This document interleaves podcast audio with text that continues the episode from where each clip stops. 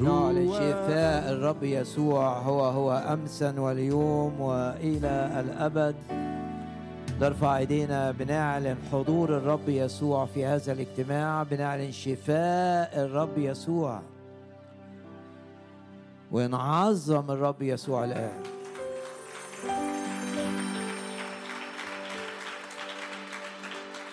ادي المجد للرب مرة كمان. هللويا.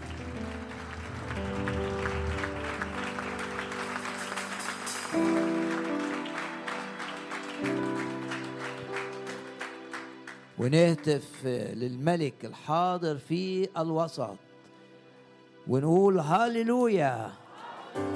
هاليلويا. هللويا هاليلويا. هللويا يعظم انتصارنا بالذي أحبنا. يعظم انتصارنا على إبليس. يعظم انتصارنا على الشر. يعظم انتصارنا على الخوف على الحزن على المرض. مكتوب في هذه جميعها يعظم انتصارنا بالذي أحبنا.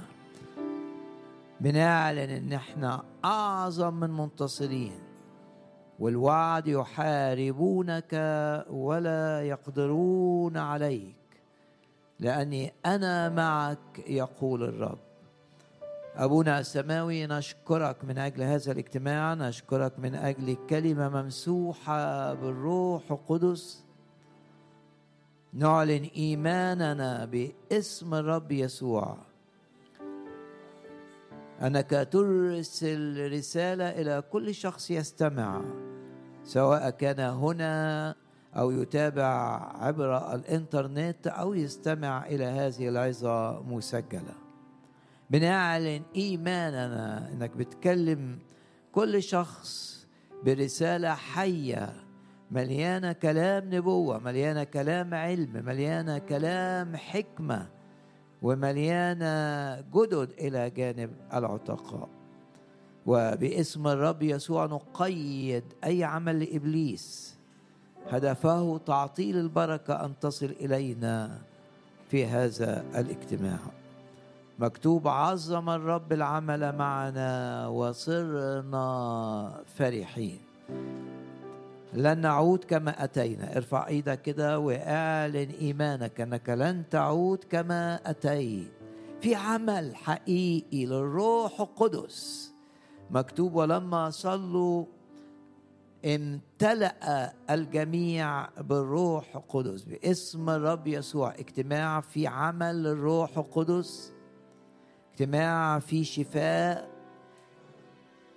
للنفس شفاء للمشاعر اجتماع فيه شفاء للأجساد المريضة اجتماع في تحرير من القيود الشيطانية واجتماع في امتلاء بالروح القدس. ولما صلوا امتلأ الجميع بالروح القدس.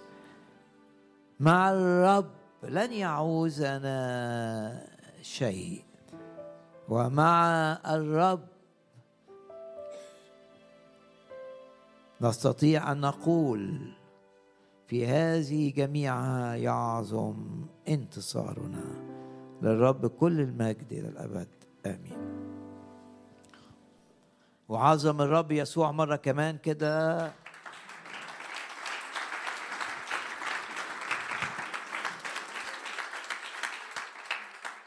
اعلن انك انت هتستقبل كلمة حية فعالة آتية إليك الآن من عرش النعمة. ارفع إيدك كده واعلن إيمانك إنك هتستقبل من الرب كلمة حية فعالة آتية إليك من عرش النعمة. الرب بيغيرنا بالكلمة الرب بيشكلنا بالكلمة الرب بيقوينا بالكلمة. والرب بيحررنا وبيشفينا مستخدما الكلمة. وانت مغمض عينك كده قول يا رب اعمل فيا بكلمتك الحية الفعالة. أتوقع أن تكلمني قول للرب كده أتوقع أيضا أن تلمسني اللمسة التي أنا في احتياج إليها. ونهتف كده كلنا مرة كمان ونقول للرب هاليلويا هاليلويا هاليلويا من مثلنا شعب منصور بالرب. انت منتصر وأعظم من منتصر. وبإمكانك أن تدوس على الحياة والعقارب حياة وعقارب مملكة إبليس التي تحاول أن تؤذيك. بإمكانك أن تدوس عليها الآن وتعلن أنك أعظم من منتصر بالرب يسوع أنت أعظم من منتصر. من أخبار الأيام الثاني الأصحاح التاسع. وعمل الملك في آية رقم 17 كرسيا عظيما من عاك وغشاه بذهب خالص. دي آية رقم كام؟ 17 آية 18 وللكرسي اللي ده الكرسي ده العرش بتاع الملك سليمان. ست درجات. وأسدان آية 18 واقفان بجانب اليدين. كرسي لي إيدين يدان من هنا ومن هناك. وفي أسد معمول أسدان واقفان بجانب اليدين. آية 19 بعدين درجات يعني كرسي عالي كده وتحتيه سلم. سلم عبارة سلم عريض يتكون من ست درجات واثنى عشر أسدا. واقفة هناك على الدرجات الست من هنا ومن هناك. في أسدين جنب سليمان وهو قاعد وعمل الملك كرسيا عظيما وست درجات نازلين لتحت على كل درجة من اليمين والشمال أسد. يبقى عندنا 12 أسد بيمثلوا شعب الرب لأن شعب الرب عبارة عن 12 سبط 12 عائلة ضخمة. ورمز كل عيلة هنا أسد. والملك في أسد عن يمينه وعن يساره. رسالة. ما هي الرسالة؟ زي ما بنقول في ترنيمة شعب الرب أسد. أنت لازم تشوف نفسك في المسيح. الأسد تشوف نفسك أسد. شايف الرب كده مش هتشوف سليمان هتشوف ما يرمز إليه سليمان. سليمان يرمز للأعظم من سليمان لأن الرب يسوع قال عن نفسه أنه الأعظم من سليمان. تشوف الرب الآن جالس في السماء ويعلن أنه الأسد هوذا قد غلب زي ما بنسمع في سفر الرؤيا هوذا قد غلب الأسد الذي من سبط يهوذا. الأسد هو ملك الغابة هو ملك الحيوانات ورمز القوة ورمز الشجاعة. هو المرعب لمملكة إبليس. هو المرعب للعدو. شايف سليمان؟ لا. عينك بتنتقل من الرمز إلى المرموز إليه. شايف الرب يسوع في السماء في المجد. كما رآه الرسول يوحنا وكتب ما رأى في سفر الرؤيا الأصحاح الأول. الرب يسوع في المجد. والرمز يقول إن شاف خروف. لكن سمع إن الخروف ده أسد. الخروف الأسد. لأنه سمع هوذا قد غلب الأسد الذي من سبط. عندنا 12 عيلة بس العيلة اللي بيطلع منها الملك هي عائلة يهوذا. عشان كده الإشارة إلى أن الرب يسوع هو الملك الذي يملك على حياتي الذي يملك على قلبي الذي يملك على ظروفي. ونشوف مع بعض سفر الرؤيا. ونقرا الكلمات العظيمة. هوذا قد غلب الأسد قال لي واحد من الشيوخ لما يوحنا كان بيبكي بص للرب لكي تتوقف عن البكاء. لو أنت تعبان في حاجة تعباك في حاجة محيراك في حاجة ملخبطاك بص للرب لكي تتوقف عن البكاء. قال لي واحد من الشيوخ لا تبكي. هوذا أدي الإجابة لكي تتوقف عن الحزن لكي تتوقف عن الشفقة على النفس لكي تتوقف عن إحساس بالخوف الإحساس بالإحباط. بص للرب يسوع الجالس على العرش. اللي بنشوفه في رمز سليمان. سليمان يرمز إلى الرب يسوع. سليمان جالس على عرش في أسد محطوط تمثال أسد عن اليمين وعن اليسار وقدامه 12 أسد أسدين على كل درجة من الدرجات الستة للسلم اللي نازل تحت اللي تحت.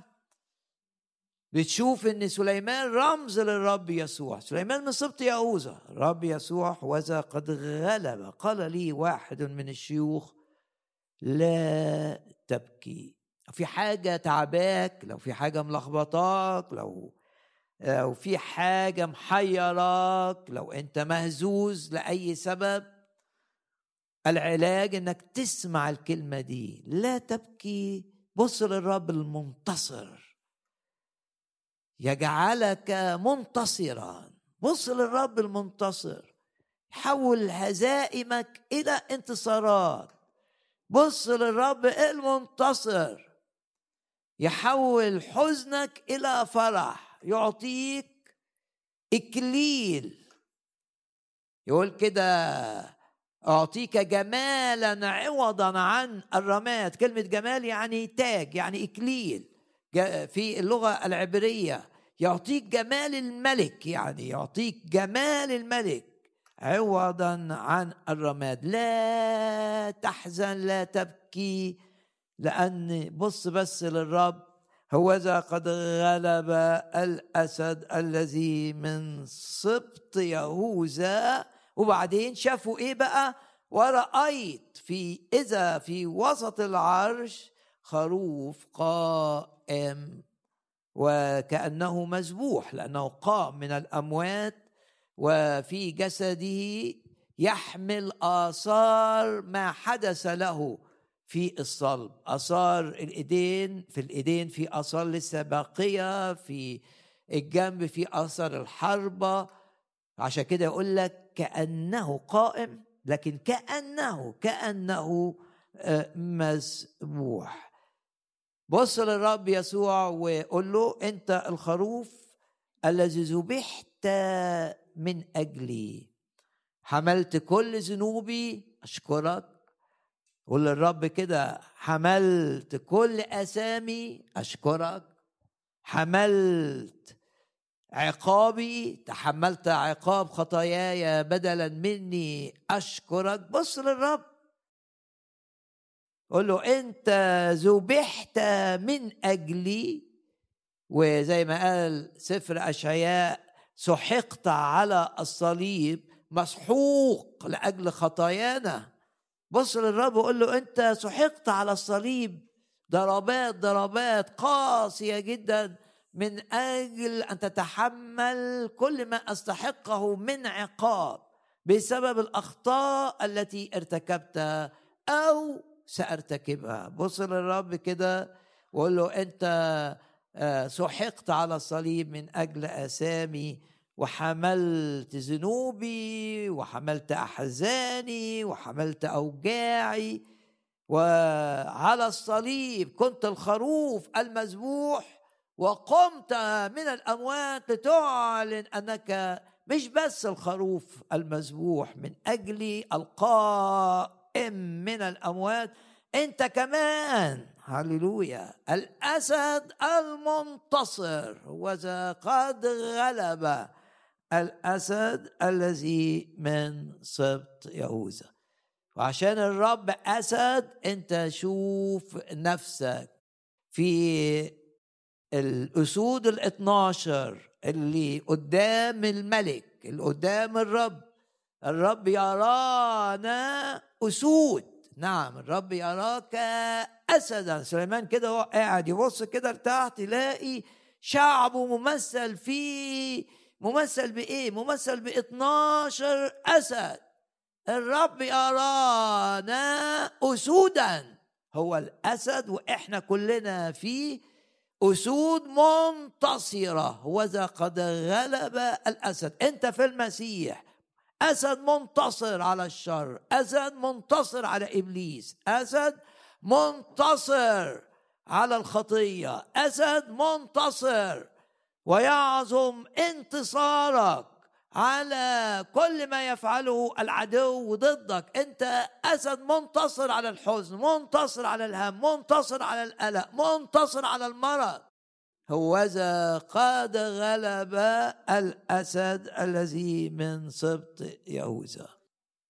سليمان يبص يمين يبص شمال يلاقي أسد ناحية اليمين وأسد ناحية الشمال يقول آه الرب دعاني أن أكون الملك الأسد عشان أبقى رمز للرب يسوع الملك الحقيقي الأسد الذي خرج من سبط يهوذا لأن إنسانية الرب جاية من عائلة يهوذا. هوذا قد غلب الأسد الذي من سبط يهوذا.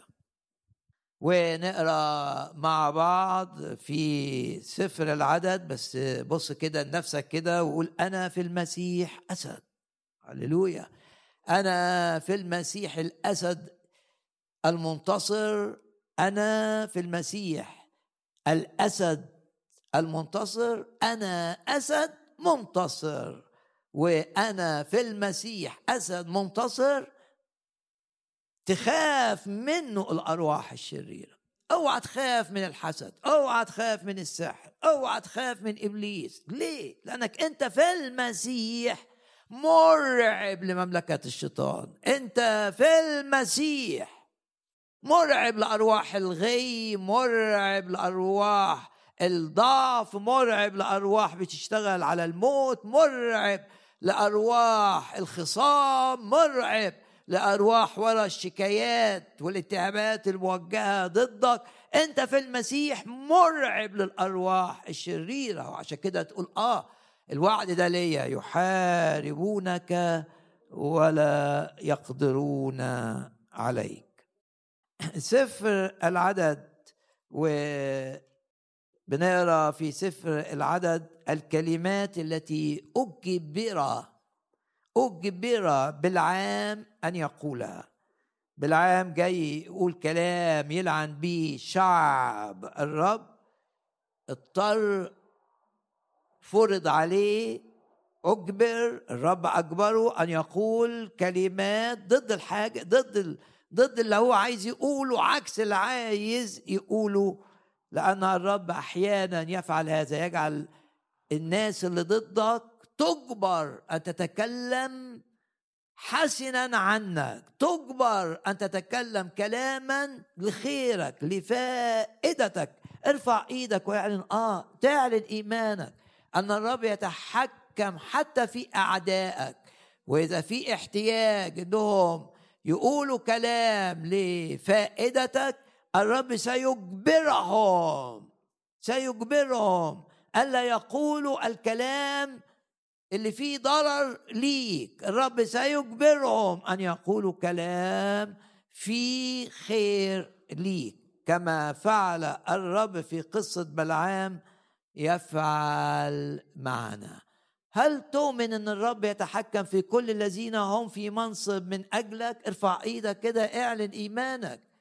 هل تؤمن أن الرب يتحكم في كل الناس والأشخاص اللي ليهم علاقة بيك من بخيرك؟ ارفع إيدك كده واعلن إيمانك. اعلن إيمانك إن الرب يتحكم في هذا وذاك لخيرك لكي يتمجد في حياتك. والرب يتحكم في كل الذين هم في منصب لكي لا تغلق أمامك أبواب فتحها الرب. الرب يتحكم في كل الذين هم في منصب لكي لا تظلم يتحكم فيهم من أجل أن تستمر ناجحا وتستمر مؤثرا لمجد الرب. سفر العدد أصحاح 22 رب يتحكم في كل الذين هم في منصب. عشان الهدف يقول لك كده بولس تيموساوس اعملوا اجتماعات صلاة من أجل كل الناس نعم اللي لكم علاقة بيهم يعني المؤسس اللي في احتكاكات بينك وبينهم. ليه؟ لأن إبليس يعمل الآن. انتبهوا أيها الأحباء إلى كلمات رسالة أفسس الأصحاح الثاني. ودايما تبني تفكيرك مش على المنطق بتاعك ابني تفكيرك على كلمة الرب. لو أنت آه، عايز تبقى أحكم من أعدائك إيه اللي بيخلي المؤمن حكيم أحكم من أعدائه؟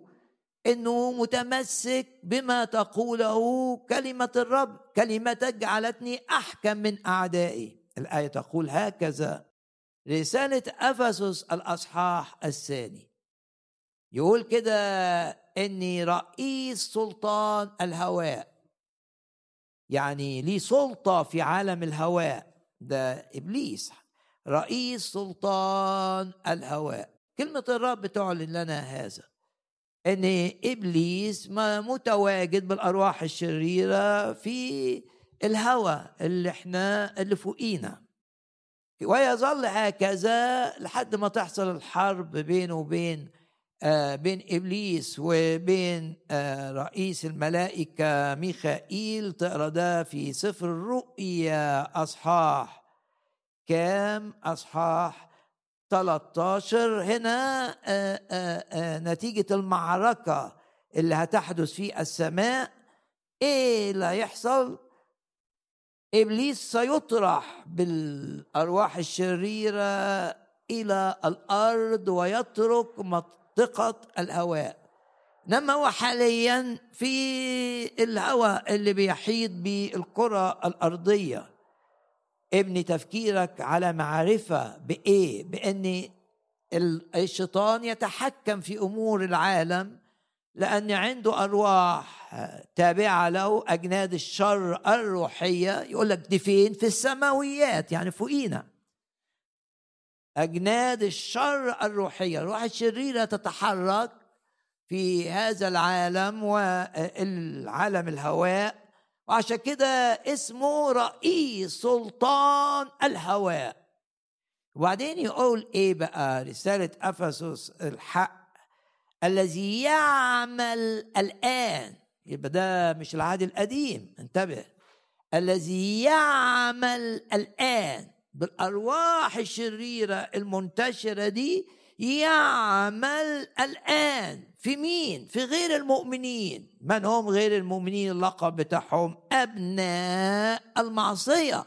ليه؟ لأنه ما قبلوش دعوة الرب ليهم بالخلاص. هم الأرواح الشريرة تستخدم ده وتستخدم ده وتستخدم ده وتستخدم ده. طيب ماذا تكون النتيجة لما الأرواح الشريرة تعمل في الذين هم في منصب ضد خيرك ولإيذائك. ماذا تفعل؟ هنا الكتاب المقدس يكمل بعضه الآخر. عشان كده الرسول آه، بولس في آه، رسالة تيموساوس انتبهوا معي أيضا زي ما انتبهتوا معي إلى كلمات رسالة أفسس بس قول جواك كده باسم الرب يسوع كل تفكيري كل رؤيتي للأمور تبنى على ما تقوله كلمة الرب. دايما ماذا يقول الكتاب؟ لازم تفتش في الكلمة لتبحث وترى آه، لو مشغول بأي موضوع من المواضيع عشان تعرف كلمة الرب بتقول إيه. قم تفكيرك يتبدي على الكلمة. في رسالة بولس الرسول إلى تيموساوس والرساله الأولى أطلب أول كل شيء أن تقام طلبات وصلوات وابتهالات وتشكرات. ده صح اتنين وأول آه، أول آية. اطلب أول كل شيء يعني أهم حاجة. يعني ده موضوع مهم جدا جدا جدا. تصلي من أجل اللي في إيديهم القرارات اللي ليها علاقة بيك لأجل الملوك. وجميع الذين هم في منصب. ليه بتصلي؟ عشان في أرواح شريرة اللي بتملأ الهواء هتستخدم هؤلاء ضدك. عشان كده انت لازم تصلي لإبطال ما يفعله العدو في الذين هم في منصب. عشان الرب يتحكم فيهم في الأمور التي لها علاقة بك. فيعملون لخيرك ويقول كده الكتاب لكي نقضي حياة مطمئنة هادئة. ليه؟ عشان نعرف نخدم.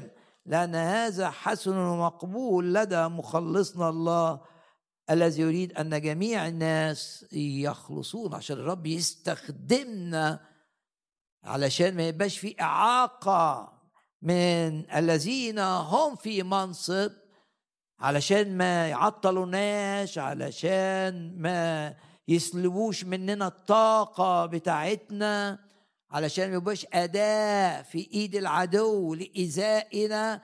لازم تصلي باسم الرب يسوع صلوات الإيمان. من أجل الذين هم في منصب وأنت ليك علاقة بيهم. سواء كان المنصب في دائرة العمل سواء كان المنصب في دائرة علاقات في دائرة حتى أمور روحية لازم تصلي من أجل الذين في يدهم القرارات عشان لا تسلب في وقتك ولا في طاقتك ولا في فلوسك ولا في نجاحك. ليبطل عمل الأرواح الشريرة التي تملأ الهواء ليبطل عملها في دائرة حياتك. أجبر بالعام نعود تشوف الرب بقى تحكم في بالعام.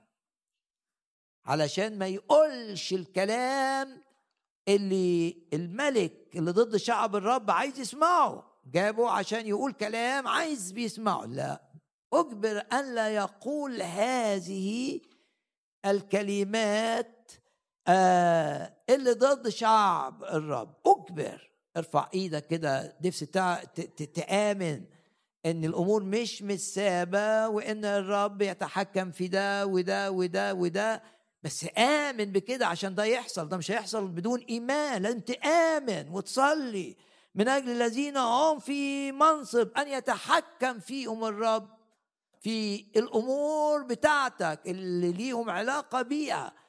مش في كل الأمور ستحكم فيهم الرب لا ستحكم نتيجة صلاتك في الأمور التي لها علاقة بك. إبليس عايزك تخسر شغلك إبليس عايزك تخسر آه، السمعة بتاعتك في الشغل. آه إبليس يخطط آه، إنه يبهدل حياتك إنه يصعبها.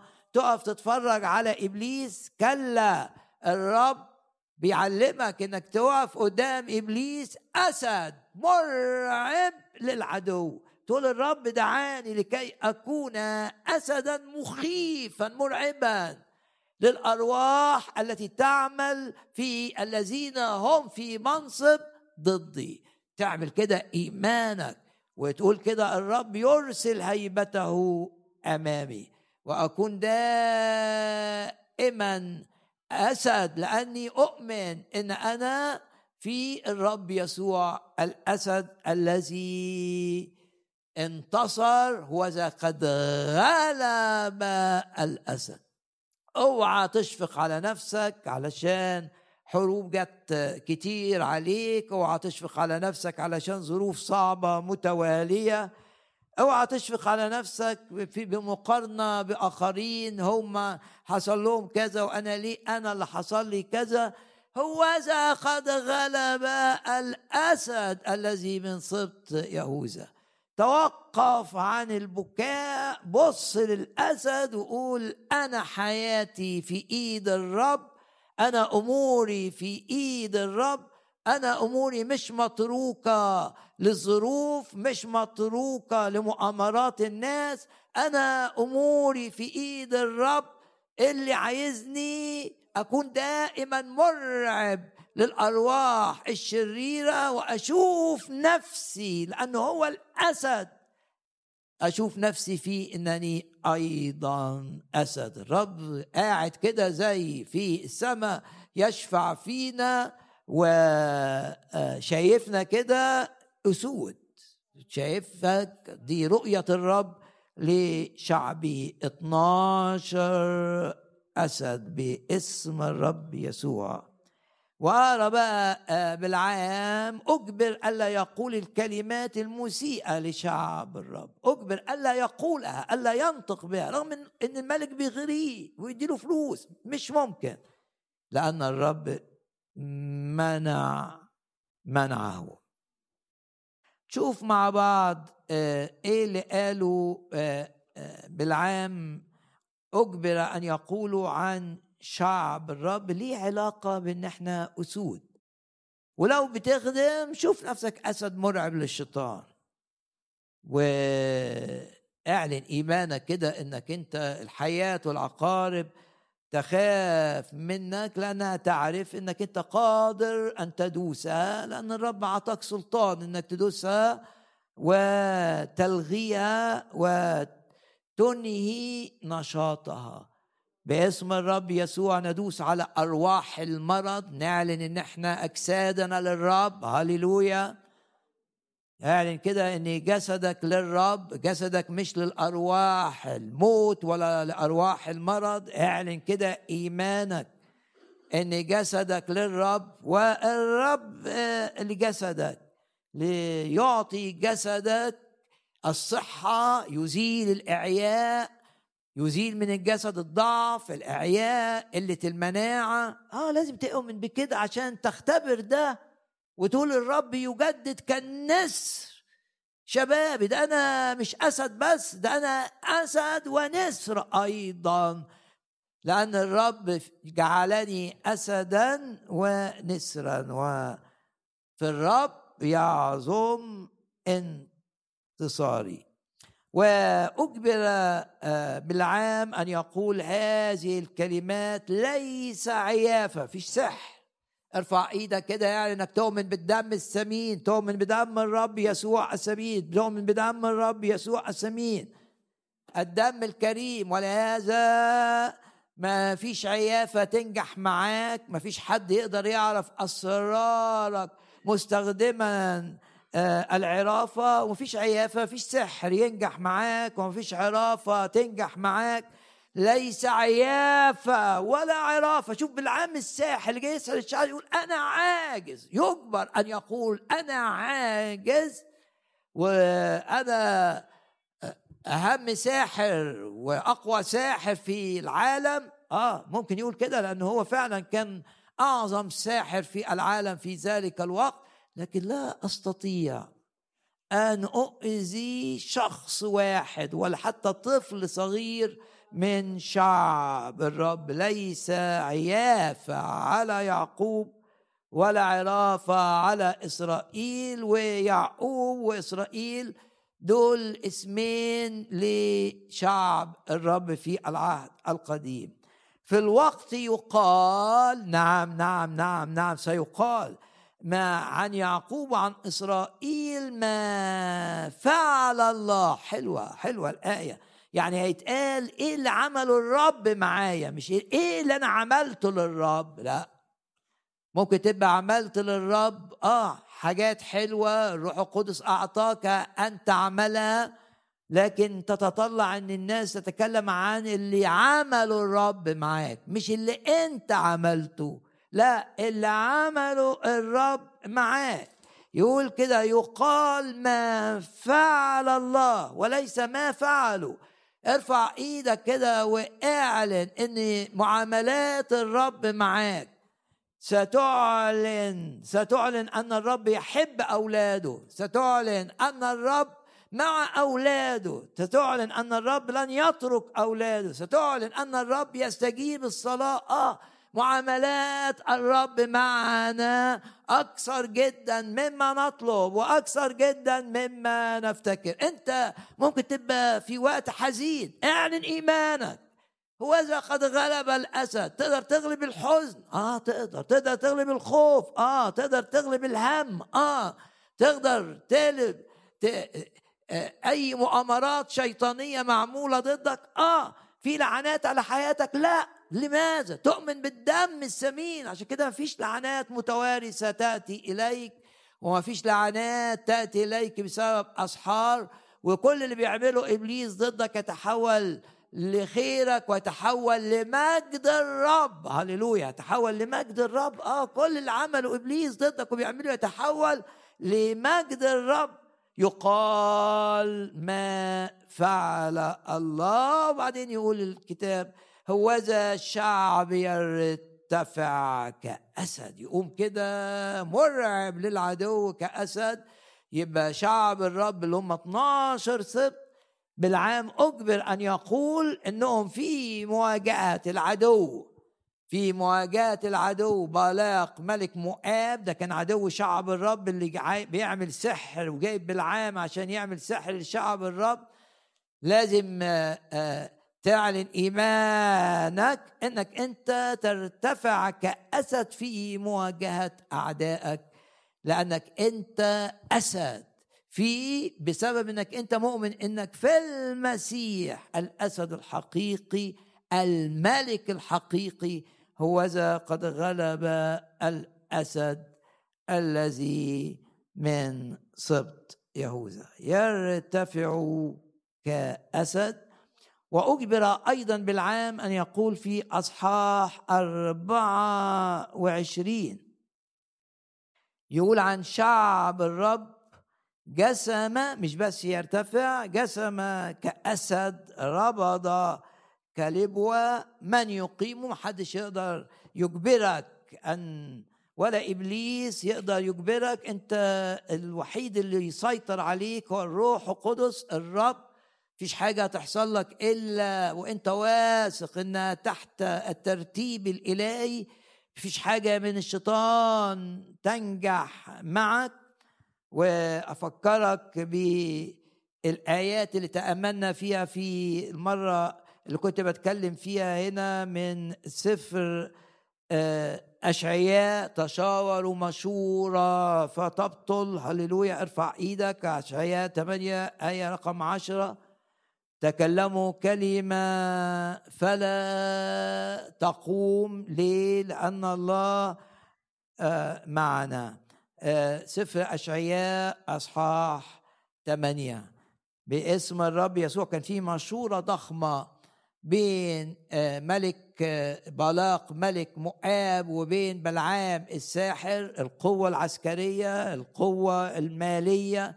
متحدة مع القوة بتاعت السحر في تحالف في مشاورة لكن الرب أبطل هذه المشورة زي ما أبطل التحالف المشورة اللي كانت بين أخي توفل والذكي آه، جدا وبين آه، أبشالوم المتمرد الشيطاني على مملكة المملكة اللي من الرب اللي هي مملكة داود وعمل ثورة ضد داود لكن يقول الكتاب أن الرب أبطل هذه المشورة أيضا أبطل مشورة أخي توفل.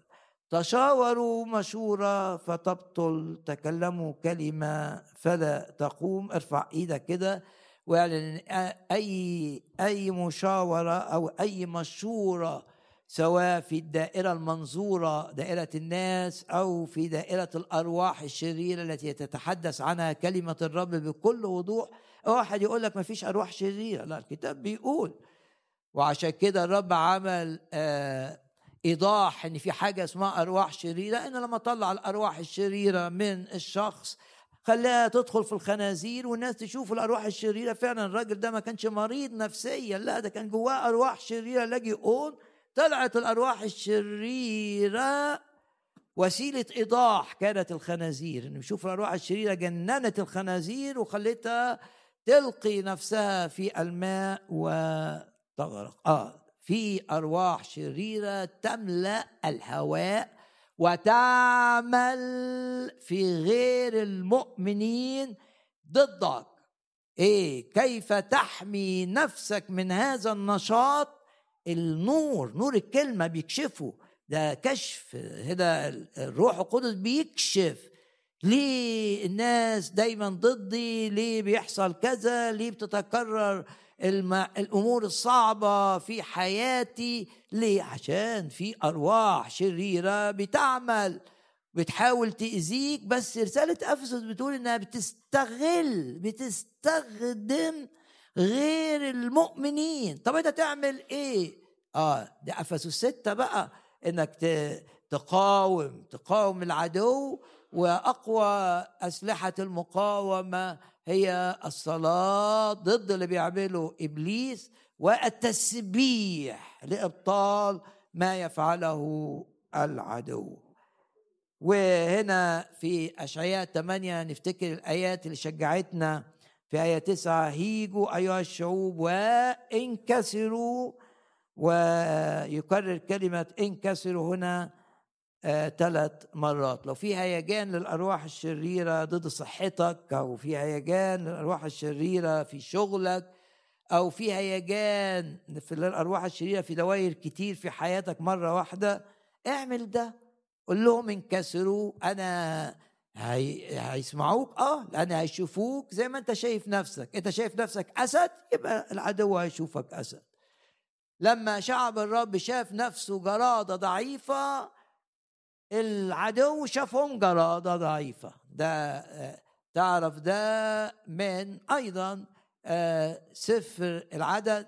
كنا جرادة في عينين نفسنا فالنتيجة إن العدو يشوفك زي ما أنت شايف نفسك. أنت شايف نفسك؟ جرادة ضعيفة شوية هوا تحركها العدو هيشوفك كده. أنت شايف نفسك أسد؟ العدو هيرى الإيمان. يراك أسد مرعب يهرب من أمامك. تستطيع أن تردد هذه الكلمات. لو أنت شايف نفسك في المسيح مش نتيجة إنك أنت أعمالك كويسة لا نتيجة إنك أنت عرفت الرب ونتيجة إنك أنت اتولدت الولادة التانية ونتيجة إن اسمك اتكتب في السماء بقيت في المسيح. في المسيح ده عطية دي مش حاجة تاخدها بأعمالك. دي حاجة خدت عرفتها لما فتحت قلبك وسلمت حياتك للرب يسوع. بقيت أسد. بقيت من أولاد الله. لما تشوف نفسك أسد العدو سيراك هكذا ويسمع الكلمة اللي بتقولها ويخضع لها. نعم العدو يخضع لنا حينما نقول لجنوده انكسروا انكسروا انكسروا. تتكرر هنا ثلاثة مرات. سفر أشعياء أصحاح ثمانية وأفكركم كمان بالآيات اللي قريناها من سفر المزامير ومزمور آه الآية الشهيرة. الرب أبطل مؤامرة الأمم. لو في مؤامرات آه آه، آه، ضد عيلتك ضد أولادك ضد في خطط شيطانية مش صدفة إنك أنت بتسمع هذه الكلمات. مش صدفة مفيش حاجة اسمها صدفة في أمور الرب. الرب بيقول لك هنا آية عشرة. ده آية عشرة جميلة. ليه؟ لأنها في مزمور 33 اللي بيقول أحسنوا العزف بهتاف يعني وأنت بترنم وبتعزف كده اهتف أحسنوا العزف بهتاف اهتف للرب. ليه؟ هو أمر فصار. ليه؟ آية عشرة الرب أبطل مؤامرة الأمم الأمم اللي هم الناس اللي بيحركهم إبليس ضدك. الرب لاشى خططهم بنقول دايما إن خطط إبليس ضدنا تكون كالعدم تكون كلا شيء بنقول دايما كده خطط إبليس ضدنا لايذائنا تبقى صفر تكون كالعدم كلا شيء نقول كده كل آلة اتعملت لإيذائنا في أي دائرة في دائرة المرض في دائرة العلاقات في دائرة الخدمة في دائرة العمل. كل آلة كل آه كل مش 80% كل آلة صورت ضدنا. لا تنجح وارفع إيدك كده معايا واعلن كده ان خطط إبليس عشان تبقى محبط تفشل. خطط إبليس لإيذاء أولادك تفشل. خطط إبليس لإيذاء أمورك العائلية تفشل. خطط إبليس تعطيل دورك في امتداد ملكوت الله. خطط إبليس تفشل يكون محاربوك كلا شيء يكون محاربوك كالعدم. الرب أبطل. يعني كان في خطط لكن الرب أبطل مؤامرة الأمم. ولاشى أفكار الشعوب. أما خطط الرب فإلى الأبد تثبت. يا رب أشكرك وأباركك وأعظمك لأنك جعلتنا أسودا مرعبة لمملكة إبليس. وأشكرك من أجل كلمات سفر الرؤيا لا تبكي لا تستسلم للحزن لا تستسلم للإحساس بالإحباط لا تستسلم للشفقة على النفس لا تستسلم لمقارنات تعملها بين وبين آخرين متعبة. بص للرب اللي بيحبك اللي ليك اللي بيقول لك أنا لن أتركك ولن أهملك. بص للرب اللي بيضمن بكرة ليك لأنه هو ضامن العهد الجديد. بص للرب اللي بيحبك واللي بيقول وزع على كفي قد نقشتك أنت مكتوب بكل ظروفك على إيدي. لن أنساك لا تنسى مني. بص للرب اللي قصده أن تكون في الارتفاع وقصده أن تكون فرحان وقصده أن تكون في صحة رائعة وقصد الرب أن تكون مستخدما بص للرب هوذا قد غلب الرب هوذا قد غلب الأسد. لا تبكي هوذا قد غلب الأسد الملك لأنه من سبط يهوذا. يا رب أشكرك وأباركك وأعظمك.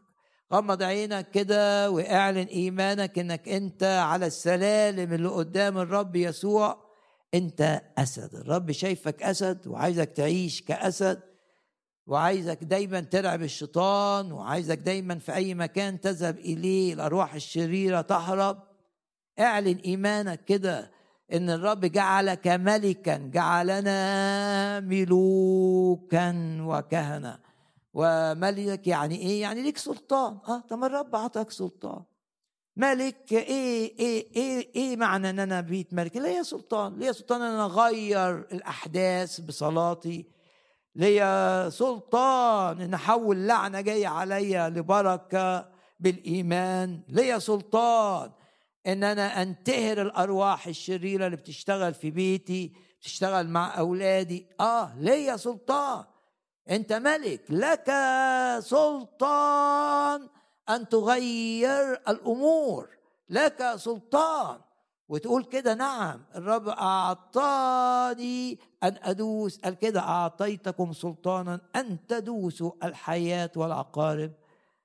وكل قوة العدو وفي حربك وفي مواجهة الشيطان اللي بيشتغل في دايرة الصحة في دايرة الأولاد في دايرة المال في أي دايرة من الدوائر آه لازم تعرف كده إنك محمي محمي بالدم. وتقدر تقول كده أنا بسبب إيماني بدم الرب يسوع وعد الرب ليا ولا يضركم شيء ولا يضركم شيء. وندي المجد للرب الآن. هللويا.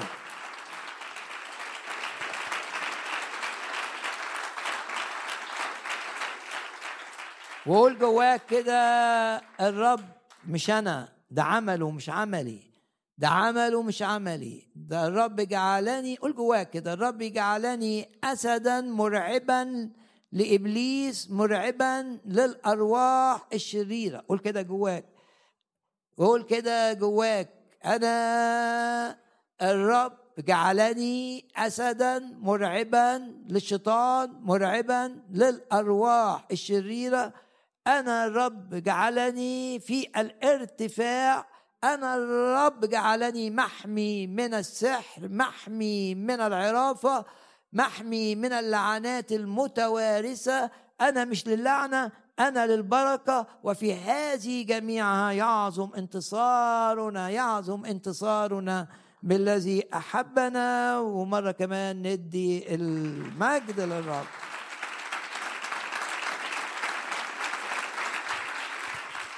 هاليلويا. قول هاليلويا كده افرح معايا. هاليلويا. فرح الرب هو قوتك. المؤمن الفرحان بالرب فرحان بالرب فرحان بثقته في الرب. كل الأشياء تشتغل لخيره عشان كده فرحان. المؤمن الفرحان بالرب. عشان الرب ضامن بكرة. المؤمن الفرحان بالرب إن الرب بيحميه من كل شر. يحفظ دخوله وخروجه المؤمن الفرحان بالرب. مؤمن قوي لأن فرح الرب قوتكم. مؤمن اللي مش فرحان مؤمن ضعيف. عشان كده عبر عن فرحك كده. هز مملكة إبليس بفرحك وقول كده الآية اللي بتقول وأزيد على كل تسبيحك. يعني هسبحك أكتر وأكتر وأعبر عن فرحي أكتر وأكتر. هقول هللويا مرة واثنين وثلاثة أكتر وأكتر وأكتر. وهعبر عن فرحي بكل ما أستطيع. بعرف أعزف أحسن العزف باسم الرب يسوع. أعرف أحسن العزف أهتف كمان باسم الرب يسوع. يزيد فرحي ويزيد تزيد قوتي. ويزيد رعبي لمملكة العدو. نعم عظم الرب يسوع مرة كمان.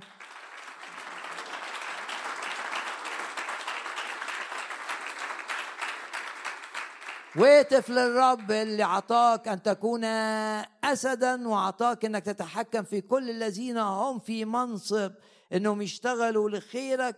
اتف للرب اللي خلاك تبطل مؤامرة العدو اللي خلاك تغلب بالعام وتغلب بلاق اتف للرب بكل كيانك وقول معايا هاليلويا. هاليلويا. هاليلويا. وعظم الرب يسوع بكل ما تقدر.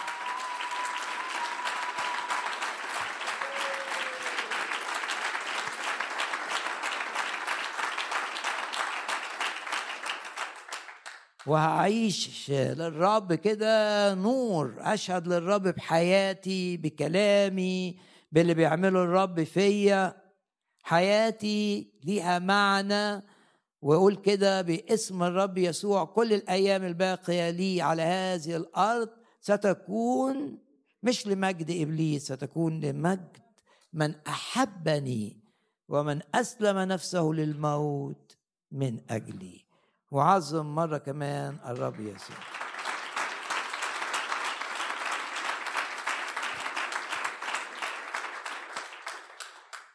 سفر حسقيال آه، الجزء الدراسي اللي عندنا رسائل مشجعة من هذا السفر الممتع سفر حسقيال.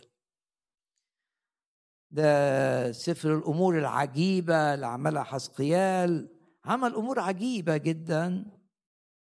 شفناها في الأصحاح الرابع والخامس شاف رؤى عظيمة وعجيبة شفناها في الأصحاح الأول. وإحنا في الأصحاح السادس. و آه، آه، بيتكلم عن إن في بقية. واتكلمنا عن البقية دي في المرة الماضية. ولو عندك لو كل حاجة في حياتك كل حاجة حلوة عملها الرب في حياتك ضاعت إلا حاجة صغيرة هي دي البقية. البقية دي ترجع تاني. أي حاجة كده شعب الرب الأكثرية اتدمروا لانهم رفضوا التجاوب مع كلمات الأنبياء اللي دعتهم للتوبة. كل الشعب اتدمر. لكن كله راح لا في بقية. والبقية دي ترجع شيء عظيم جدا. ممكن تبقى واحد كان آه، رائع في حياته مع الرب وبعدين لسبب أو لآخر ضعف واتبهدل وساب الخدمة اللي كان بيخدمها ولكن لسه في مش كل حاجة هتضيع في حاجة صغيرة موجودة. آه. حاجة صغيرة دي بالرب بالنعمة تجعله يعود أعظم مما كان قبل أن يدمر. هو ده اللي بتقوله كلمة الرب. وأفكركم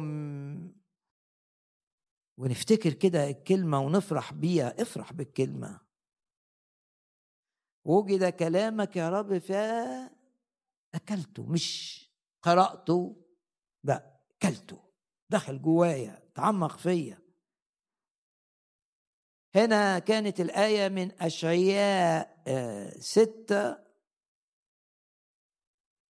إن الشعب لما آه، جاي عليه الدمار نتيجة إنه عاند الرب سنوات طويلة ولم يقبل الدعوة إلى التوبة. أي مؤمن هيستمر في خطية ومش عايز يتوب عنها مية في المية. من يزرع لجسده معروف هيحصد فساد. مش ممكن تعيش في الخطية وما تتوبش عنها وما يجيلكش ما يجيلكش أذى. إنما لما يجي لك أذى الرب عايزك تفوق. لأني برضو جاي لك والرب بيتحكم فيه عشان الأذى اللي جاي عليك ده يعمل دوره ما يزيدش. دوره مش ان يدمرك لا. العصاية بتاعت الرب الرب مش هدفها التدمير إنما هدفها إنك تفوق وترجع. والحاجة القليلة اللي فيك تعود وتعوض ما فقدته. فبيقول كده إن بيشبه شعب الرب بشجرة آه، البطمة آه، والبلوطة التي وإن قطعت فلها ساق. يكون ساقه زرعا مقدسا. أدي البقية. تطلع الشجرة اتقطعت خلاص قطعت. تطلع شجرة تاني من الساق بتاعها اللي مطروه. دي البقية اللي بتقرأ عنها في حسقيال أصحاح ستة. طبعا بنقرأ عنها عن البقية دي في سفر أشعية في أماكن كثيرة في أسفار الأنبياء. إن شعب الرب فيه في النهاية بقية هتعرف الرب يسوع في نهاية العالم. وأبقي بقية. آية 8 يبقى الرب مش بيسمح للحاجة إنها تتدمر مية في المية. وأبقي هو وأبقي بقية. وبيقول إن الناس اللي هيبقيهم يذكرونني هيفتكروني بقى بين الأمم الذين يسبون إليهم. يعني الرب هو كان بكلماته ما تتخدعوش بالناس اللي بيقولوا لكم إنكم هترجعوا أورشليم بسرعة وإنكم ما فيش داعي. ما كانوا في بابل. في السبي ما فيش داعي إنكم تشتروا حاجات في بابل ولا تبنوا ولا لأنكم راجعين في وقت قريب قوي إلى أورشليم. بس إزاي يرجعوا إلى أورشليم والشعب حتى اللي في أورشليم ما قبلش كلمات ارميا النبي وما تبش ما رفضش الخطأ الخطايا اللي هو فيه يبقى مش هيرجع مش هترجعوا حاليا. بل هيحصل إيه بقى؟ إن أورشليم هتتدمر وإن الناس هتموت لكن هبقي بقية. دي النعمة يعني. واللي هينجو من التدمير اللي هيحصل في أورشليم يذكرونني بين الأمم دي آية تسعة عسقيال ستة. يذكرونني بين الأمم الذين يسبون إليهم. وبعدين بيقول هيرجعوا إزاي؟ شوف بيقول إيه؟ إذا كسرت قلبهم الزاني. الذي حاد عني. وعيونهم الزانية وراء أصنامهم. ما هي المشكلة بتاعت شعب الرب إن ابتدى يمزج بين عبادة الرب وعبادة الأوثان الأصنام. لسبب أو لآخر. اعتقادا إن الأصنام دي تماثيلها بتجيب بركة بتمنع آه، أذى عملوا أصنام كتير بس في نفس الوقت بيروحوا الهيكل مزجوا بين الحاجتين. الرب هنا بيقول البقية دي هترجع ليه؟ لأن أنا هشتغل جواهم. هشتغل جوه قلبهم الزاني. وهشتغل معاهم. فيحزنوا ومقتوا أنفسهم لأجل الشرور التي فعلوها في كل خطاياهم. وهندرس مع بعض في الجزء ده حاجتين. الحاجة الأولى اللي بتشير إليها هذه الآيات الزنا الروحي. هنا مش مش مقصود الزنا الجسدي هنا مقصود الزنا الروحي. و يعني إيه الشعب زنا؟ يعني الشعب بدل ما يبقى عايش للرب حط مع الرب حد تاني العبادة الوثنية.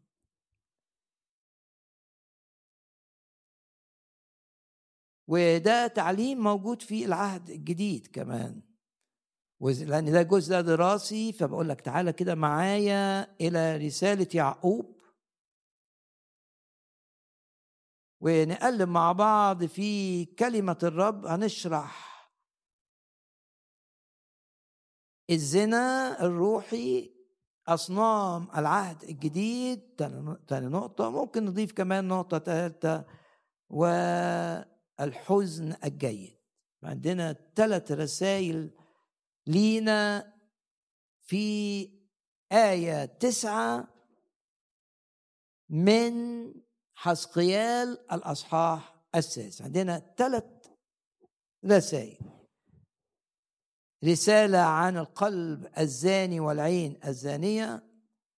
رسالة عن أصنام العهد الجديد. ورسالة عن الحزن الجيد. ثلاث رسائل بكلمات بسيطة. نتعلم من كلمة الرب. بشجعك إنك تبص للرب وتقول له علمني من خلال هذه الأمور الثلاثة. رسالة يعقوب الأصحاح الرابع. أيها الزناة والزواني يعني رجال ونساء. أما تعلمون أن محبة العالم عداوة الله يعني بيحب الرب بس في نفس الوقت بيحب العالم اللي صلب الرب. بيحب الرب بس في نفس الوقت بيحب العالم اللي بيرقصه الشيطان. ده زي واحدة آه لم سابت زوجها أدي الزنا الروحي وذهبت إلى زوج آخر. الزنا الروحي أيها الزنا والزواني أما تعلمون أن محبة العالم لازم تسأل نفسك يعني إيه محبة العالم بالنسبة لك؟ ويجيبك الروح القدس. العالم كل ما في العالم هو شهوة الجسد شهوة العيون التباهي تعظم المعيشة. محبة العالم هنا عداوة لله. ليه؟ لأنها بتطلع الشخص من علاقة وثيقة مع الرب ممثلة في علاقة الزواج إلى زنا روحي. بقي لي علاقة مع زوج آخر. أيها الزناه والزواني أما تعلمون أن محبة العالم عداوة لله. أقرأ آية كمان من آه، أشعية. أشعية أصحاح أربعة وخمسين. يبقى الرب عايز قلبك مش عايز حاجة في القلب تانية. مفيش مفيش حاجة بدل الرب تبقى في قلبك. مفيش حاجة تاخد مكان الرب في قلبك. ولا شغل ولا علاقة ولا فلوس.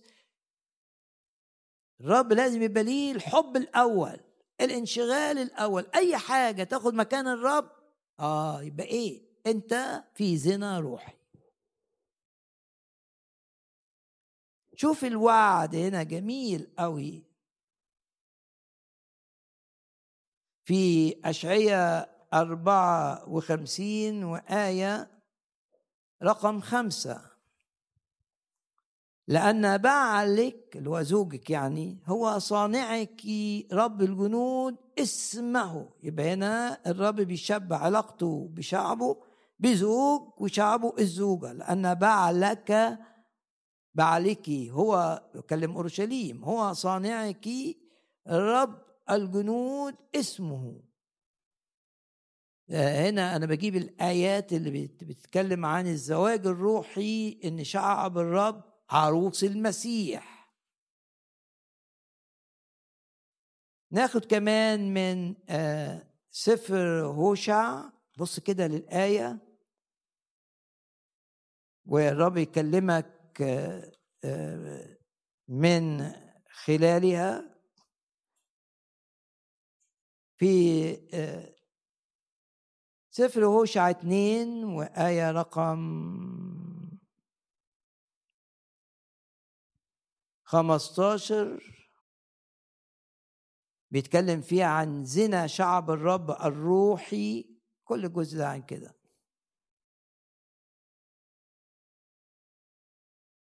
أشعياء الأصحاح الثاني.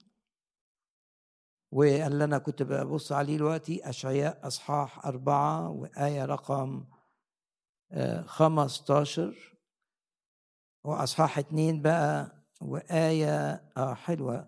ويكون في ذلك اليوم لما إحنا نتوب أو لما تتوب أنك تدعينني رجلي وما تقوليش عليا بعد بعلي.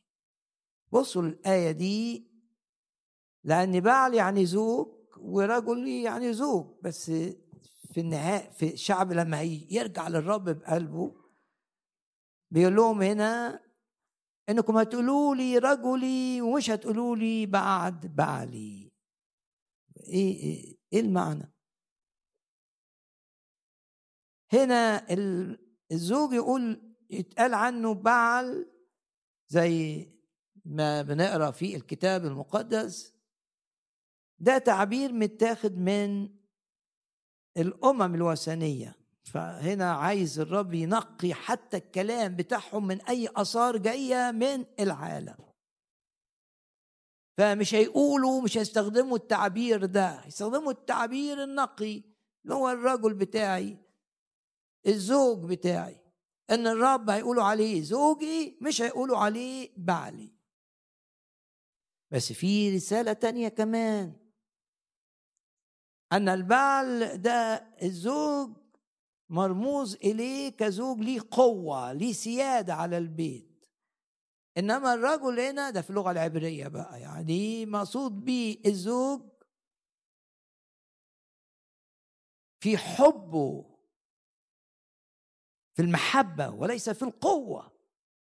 فهنا بيقول لك علاقتك مع الرب تبقى كده إنك مش تشوف الرب الزوج القوي اللي بيتحكم في البيت تشوف الرب الزوج القوي اللي بيتحكم في البيت بالحب. عشان كده رجلي وليس بعدي. نغمض عينينا مع النقطة الأولى دي ونقول يا رب مش عايزين يبقى في حياتنا زنا روحي إن في حاجة بتدينا الأمان غيرك. في حاجة بتدينا الفرح أنت مش فيها. فيش حاجة تبقى في حياتنا تضعف علاقتنا بيك. ده الزنا الروحي اللي بيحذر منه يعقوب واللي الرب وصف حالة شعب الرب بأنهم القلب بتاعهم فيه زنا والرب هيكسر ده عشان يتوبوا. بشجعك إنك تغمض عينك كده وتصلي كده صلاة قصيرة يا رب. اجعلني ملتصقا بك طول الأيام الباقية لي على هذه الأرض. باسم الرب يسوع ينتهي أي زنا روحي في حياتي. وأبقى للرب بكل كياني. وأبقى أمين للرب. ما زي شعب الرب اللي وصفوا الرب بأنه خائن لأنه سابه ومشي ورا الأباطيل مشي ورا العبادات الأخرى ومزج العبادات الأخرى بالرب. صلي كده وقول يا رب احفظني غير محب للعالم. احفظني متمتع بحبك. النقطة الثانية. يبقى دي أول نقطة. قلنا في ثلاث نقاط في الجزء ده. الجزء الثاني عن الأصنام. بيقول إنه زنوا لأنهم مشيوا ورا الأصنام بتاعتهم. وراء أصنامهم. وهتلاقي كلمة أصنامهم دي تتكرر كثيرا في هذا الأصحاح. وهتسألني تقول لي ما هو الصنم ما هو الوثن. وتعالى معايا لرسالة كلوسي الأصحاح الثالث. دراسة سريعة للآيتين دول. طب كلوسي ثلاثة بتقول إيه؟ آه بص كده معايا كده. رسالة كلوسي اللي كتبها بولس وهو في السجن. والأصحاح الخامس. الطمع وده قايله في أفسس خمسة كمان. الطمع الذي هو عبادة الأوثان. يبقى الأصنام في العهد الجديد هي الطمع. و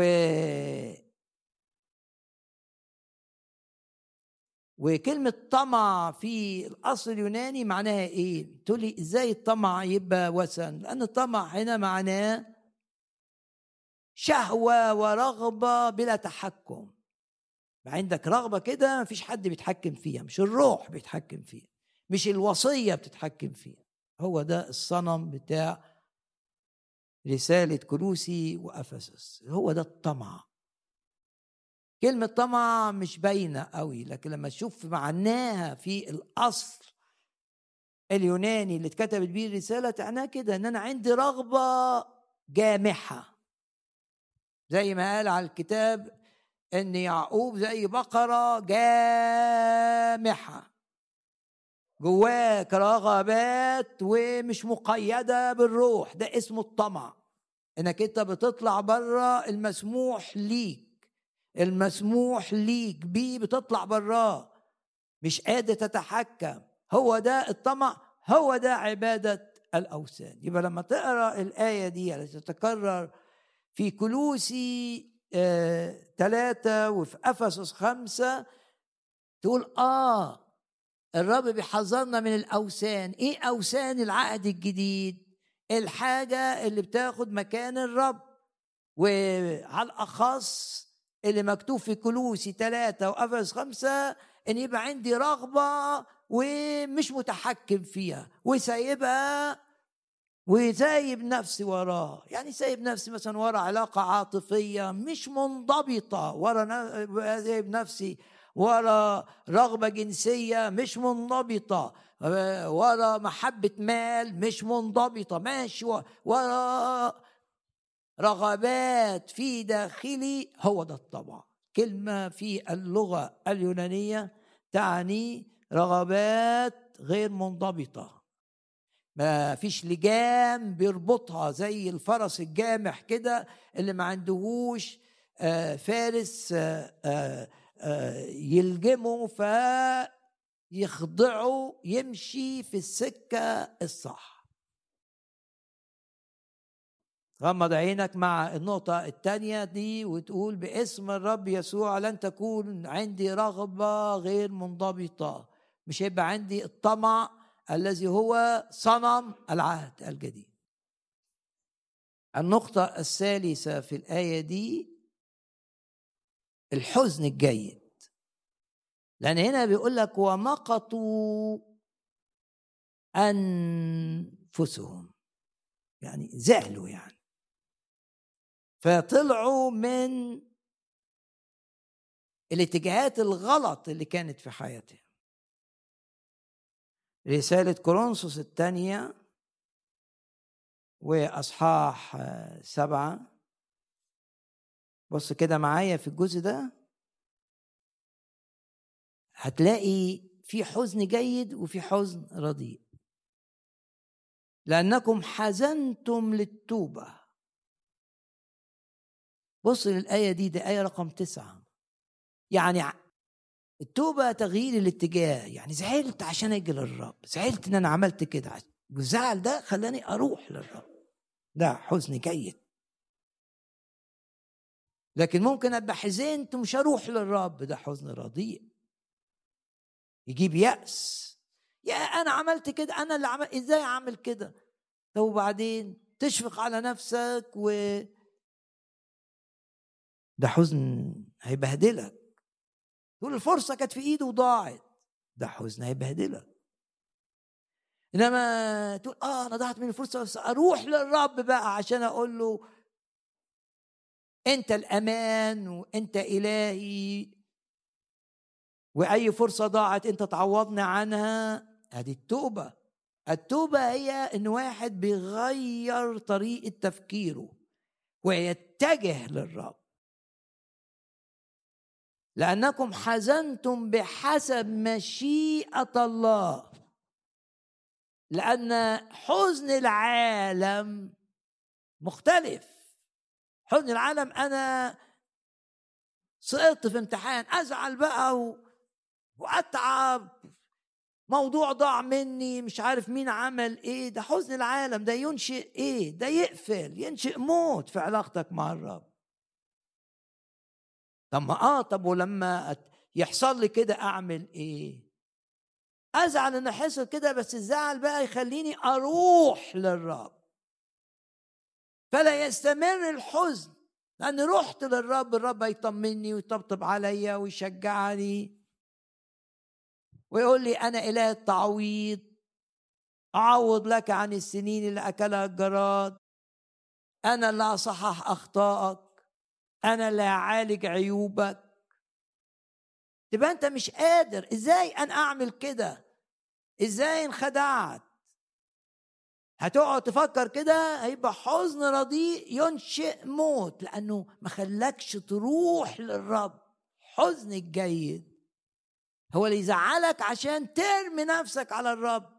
زعلان إنك فشلت بس ما وقفتش هنا.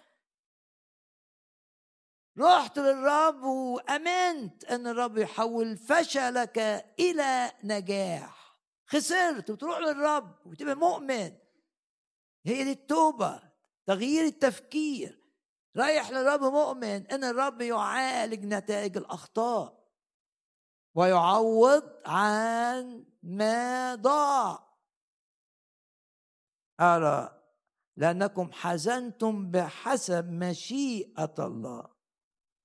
لأن الحزن الذي بحسب مشيئة الله ينشئ توبه لانقاذ لخلاص أما حزن العالم فينشئ موتا.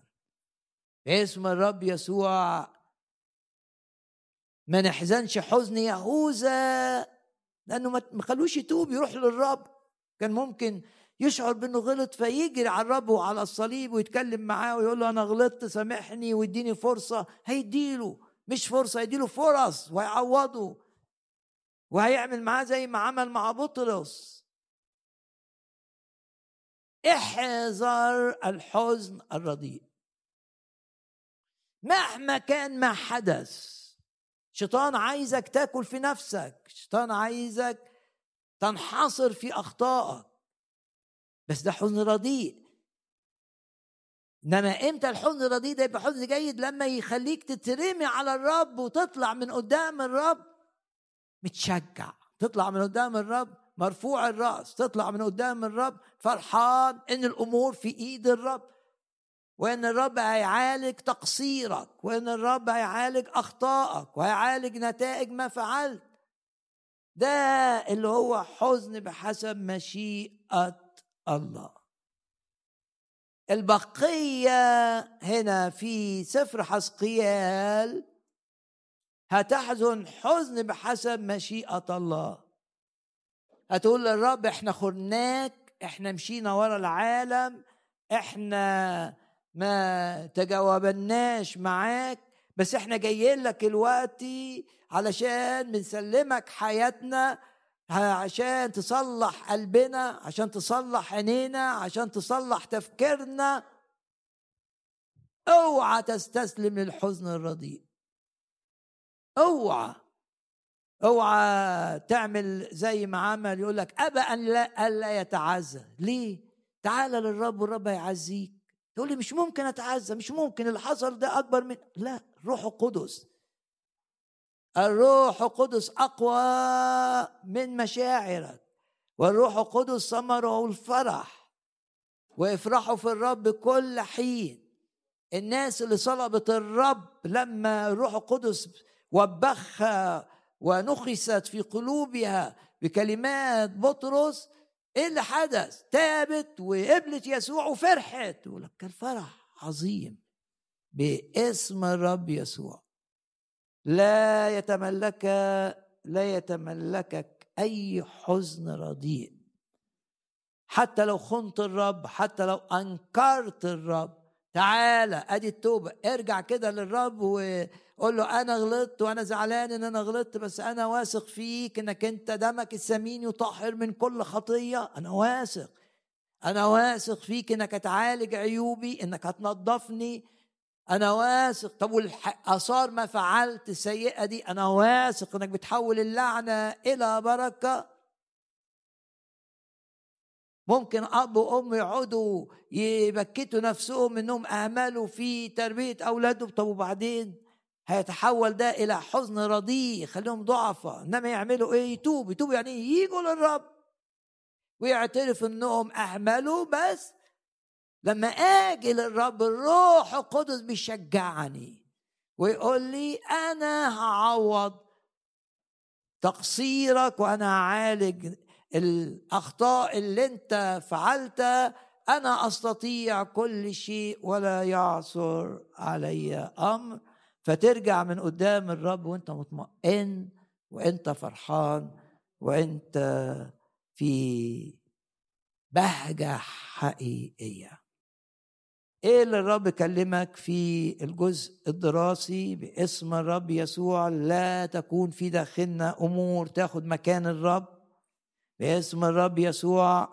لا تكون جوانا محبة العالم باسم الرب يسوع. لا يكون في تصرفاتنا أي زنا روحي. ما فيش حاجة تاخد مكان الرب في قلبي. الرب هو اللي يقودني.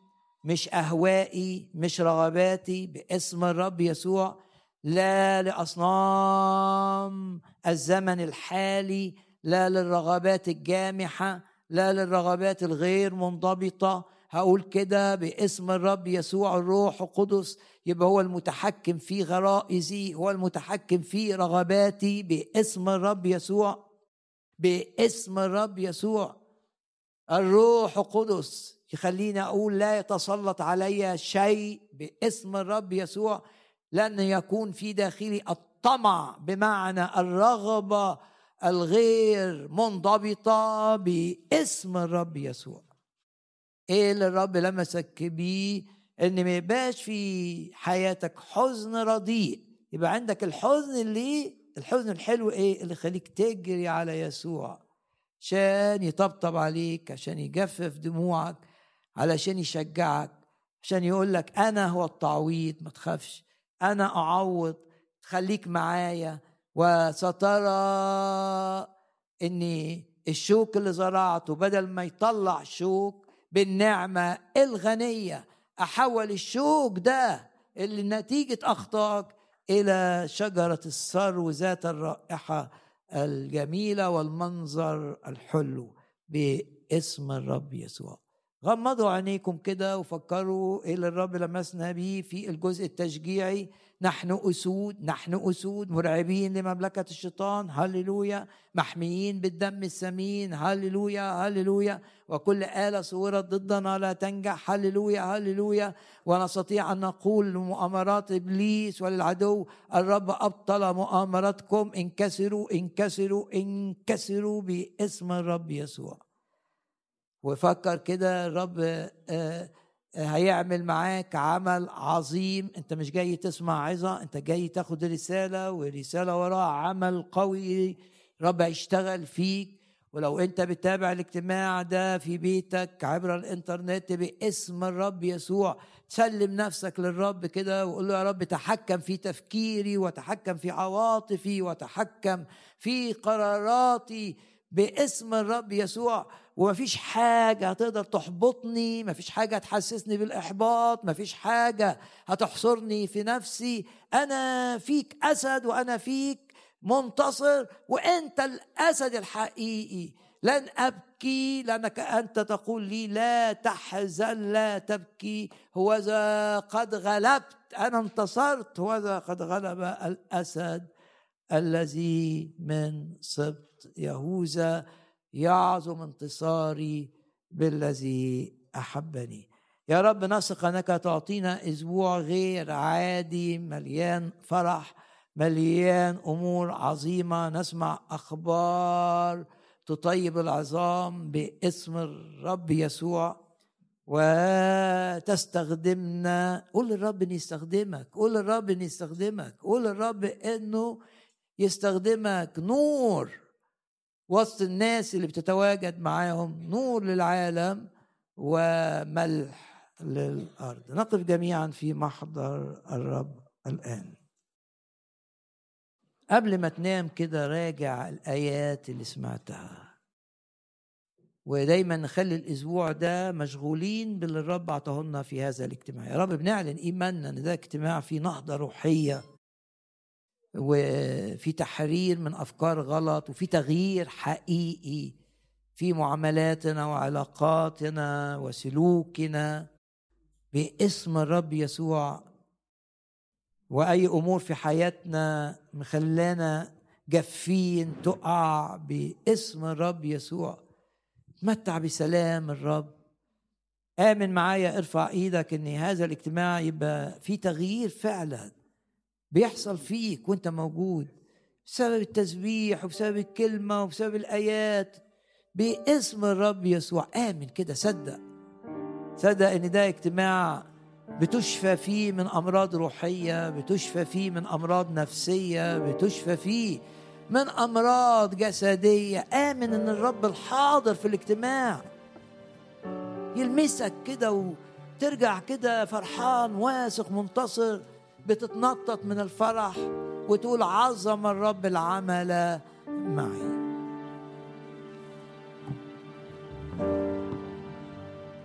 لا عرف علينا. ارفع إيدك واعلن إيمانك.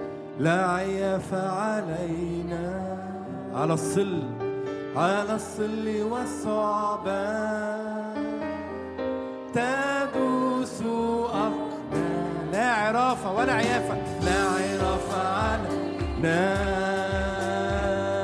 لا عيافة علينا. الظل والصعبان.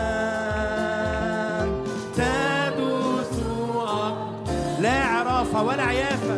لا عرافة علينا. لا عيافة علينا.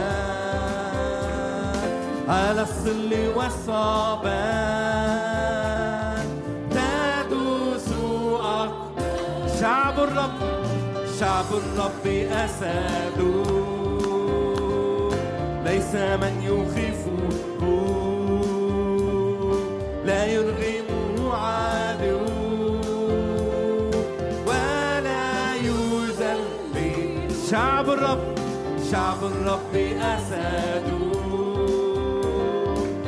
ليس من يخيفه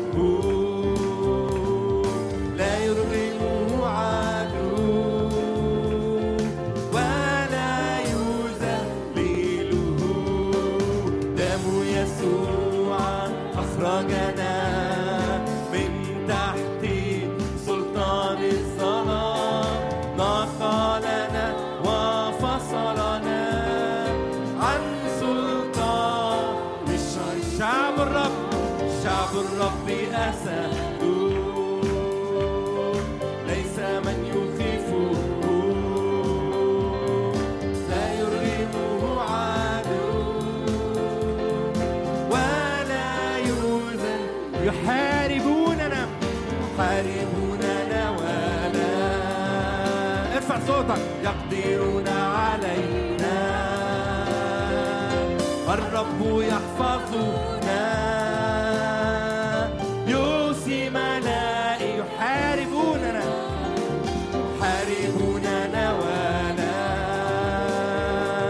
يقدرون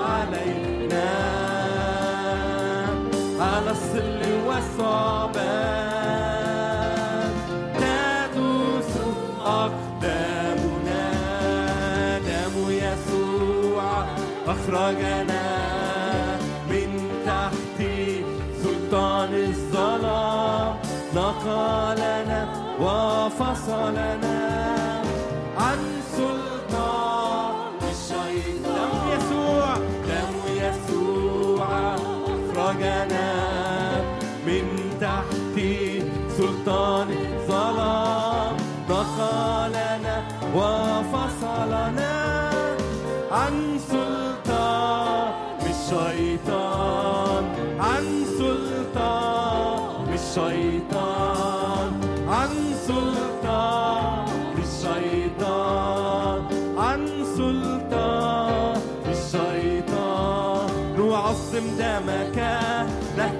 بمجدك لا ننحني إلا لك. أنت ملكنا دوما منتصرا. رأسا وأسدا. لن نقبل كذبا به عاد. نعظم دم الرب. نعظم دمك. نهتف بمجدك.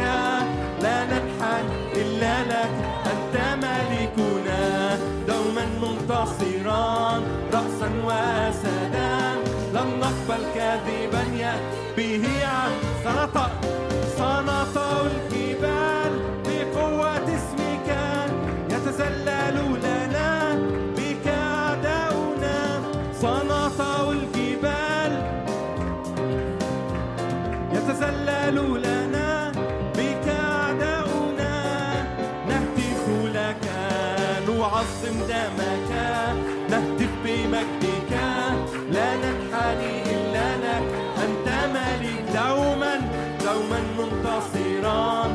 رأسا وسدان لن نقبل كاذبا نعظم دم الرب. نعظم دمك نهتف بمجدك لا ننحني إلا لك. أنت ملكنا دوما منتصرا. رأسا وسدا لن نقبل يأتي به سنطق سنطع الجبال. يتذلل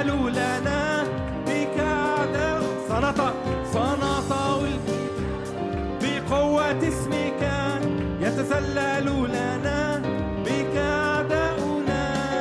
نهتف لك. دوما ستعترف بملكك يوما كل شفاء. تكرز باسم نار. نار أنت. ونسحق. ونسحق بدمك رأس عدونا. سنطع الجبال بقوة اسمك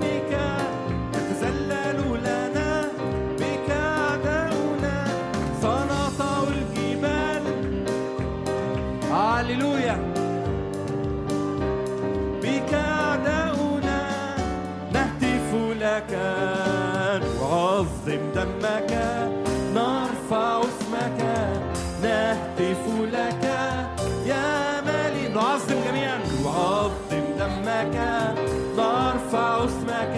سبحك يا مالك الملك نعظم. نعظم دمك. نرفع اسمك. نهتف لك يا ملكنا نعظم دمك. نرفع اسمك. سبحك يا ملك الملك نعظم.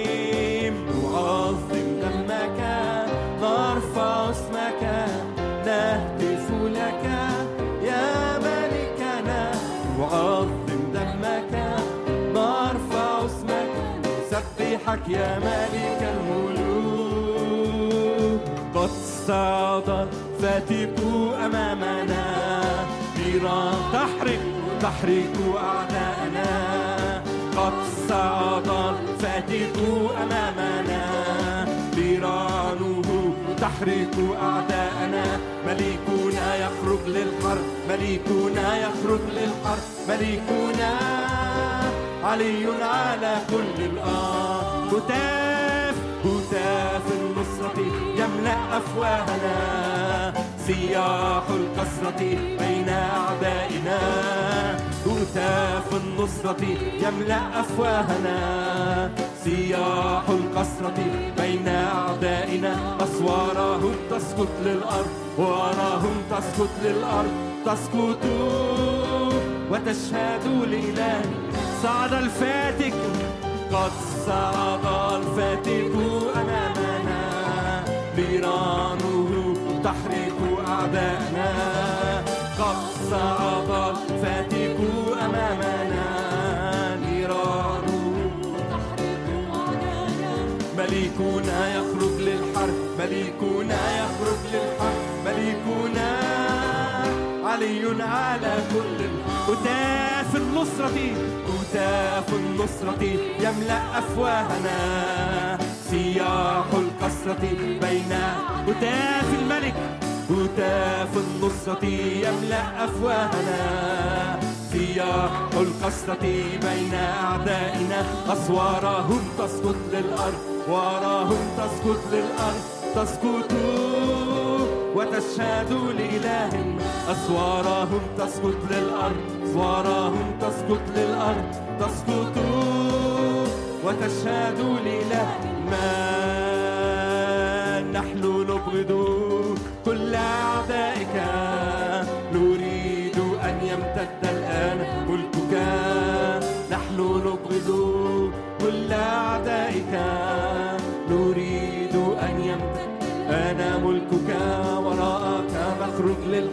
وراءك نخرج للحرب وراءك نسبح بكل وراءك نخرج للحرب وراءك نخرج للحرب. وراءك نسبح وراء الرب وراءك نخرج للحرب. وراءك نخرج للحرب. وراءك نسبح.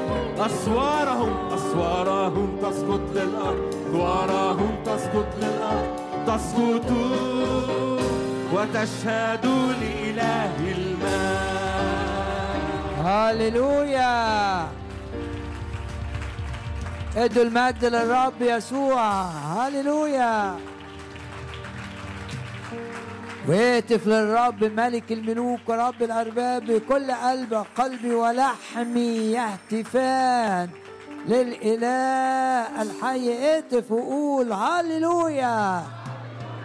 وتسقط أسوار المرض وتسقط أسوار الخوف وتسقط أسوار النجاسة وأسوار بناء إبليس وحواجز وإحنا بنهتف اهتف مرة كمان للرب وقول هللويا. هللويا. هتف الشعب هتافا عظيما. فسقط السور في مكانه. كنت مريضا ضع يدك على مكان المرض استقبل الشفاء الإلهي. يشفيك يسوع المسيح. صلاة الإيمان تشفي المريض. الرب يقول أنا هو الرب شافيك. واستقبل تحرير من الرب. حرركم الابن بالحقيقة تكونون أحرارا. حرية من الخوف حرية من القلق حرية من الهم حرية من الانزعاج حرية من الشك حرية من سيطرة أي روح شرير حرية من سيطرة أي خطية. إن حرركم الإبن بالحقيقة تكونون أحرارا. وندي المجد للرب المحرر الآن. هللويا. ونسترد ما سلبه عدونا. ونسترد جميع ردد ونسترد ما سلبه عدونا.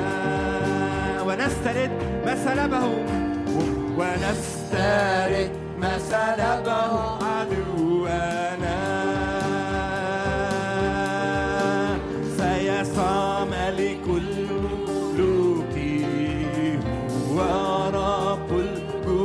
أبواب الجحيم أبواب الجحيم لن تقوى علينا.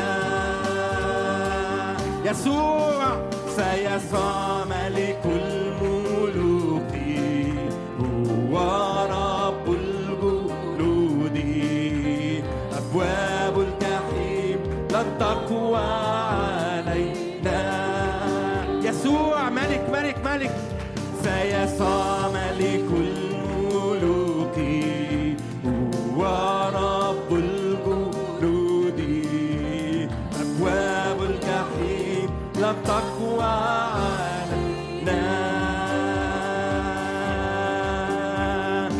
صام لكل الملوك ورب الجنود أبواب الجحيم لن تقوى علينا. أبواب الجحيم ردد معايا. أبواب الجحيم لن تقوى علينا. أبواب الجحيم لن تقوى. أبواب الجحيم لن تقوى علينا. هللويا هللويا هللويا.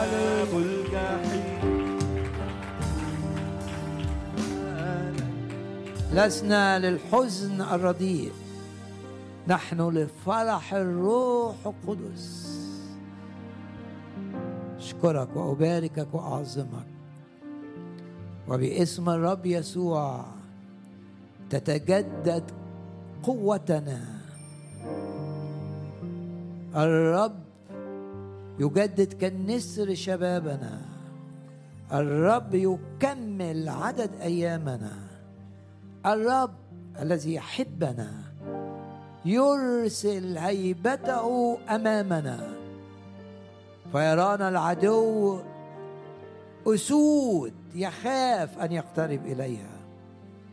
يعظم انتصارنا بالذي أحبنا. يا رب نشكرك لأنك بتقفل بيبان وتفتح بيبان عشان نبقى في مشيئتك. مباركين. أباركك الوعد وتكون بركة. نشكرك لأنك تفتح ولا أحد يغلق. تفتح أبواب التعويض تفتح أبواب النجاح تفتح أبواب الشفاء. تفتح أبواب الثمرة المئة ضعف ولا يستطيع أحد أن يغلق هذه الأبواب. نشكرك لأنك تسير أمامنا والهضاب تمهد وتعظم تعظم تعظم العمل معنا. ونكون دائما في الارتفاع ودائما لا يعوزنا شيء من الخير. أشكرك لأنك تحفظنا في مشيئتك ووعدك وتسمعان كلمة خلف قائلة. هذه الطريق اسلكوا فيها حينما تميلون إلى اليمين وحينما تميلون إلى اليسار. نشكرك لأنك تتحكم في كل الذين هم في منصب ولهم علاقة بنا. تتحكم في كل قراراتهم في كل تصرفاتهم.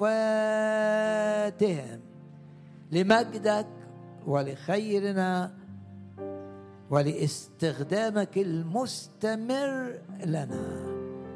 هللويا هللويا هللويا. الآن إلى الترنيمة الأخيرة في الاجتماع.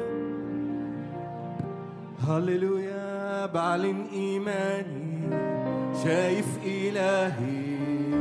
للسلطان للسلطان ومن أمامي ينقل جبالي بالإيمان بالإيمان بعلن إيماني شايف إلهي.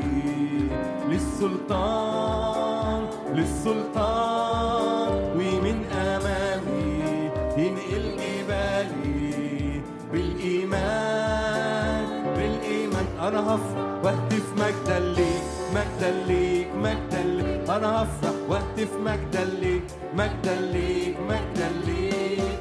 ها هللويا هللويا هللويا. بعلن إيماني شايف إلهي للسلطان للسلطان. ومن أمامي ينقل جبالي بالإيمان بالإيمان. أنا هفرح واهتف مجدا ليك مجدا ليك مجدا ليك. أنا هفرح واهتف مجدا ليك مجدا ليك مجدا ليك. ها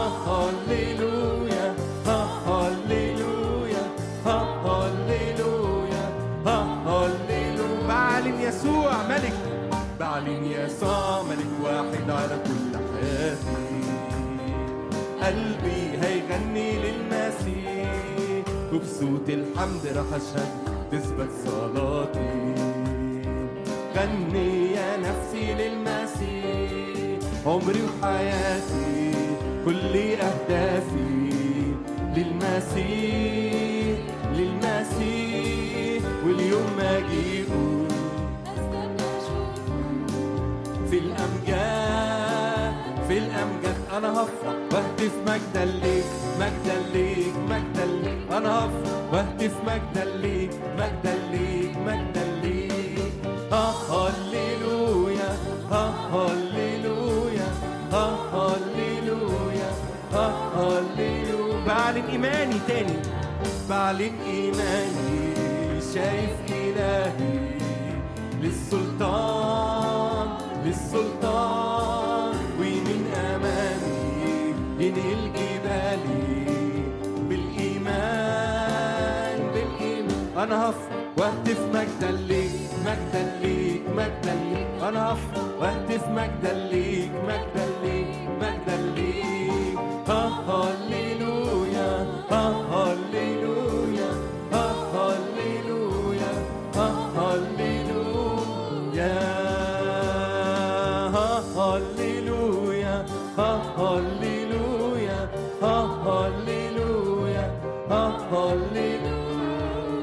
هللويا هللويا هللويا هللويا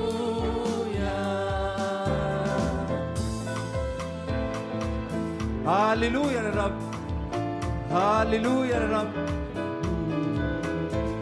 علورة يا النصر هللويا غنوا بمجد الإله قد قام غالبا هللويا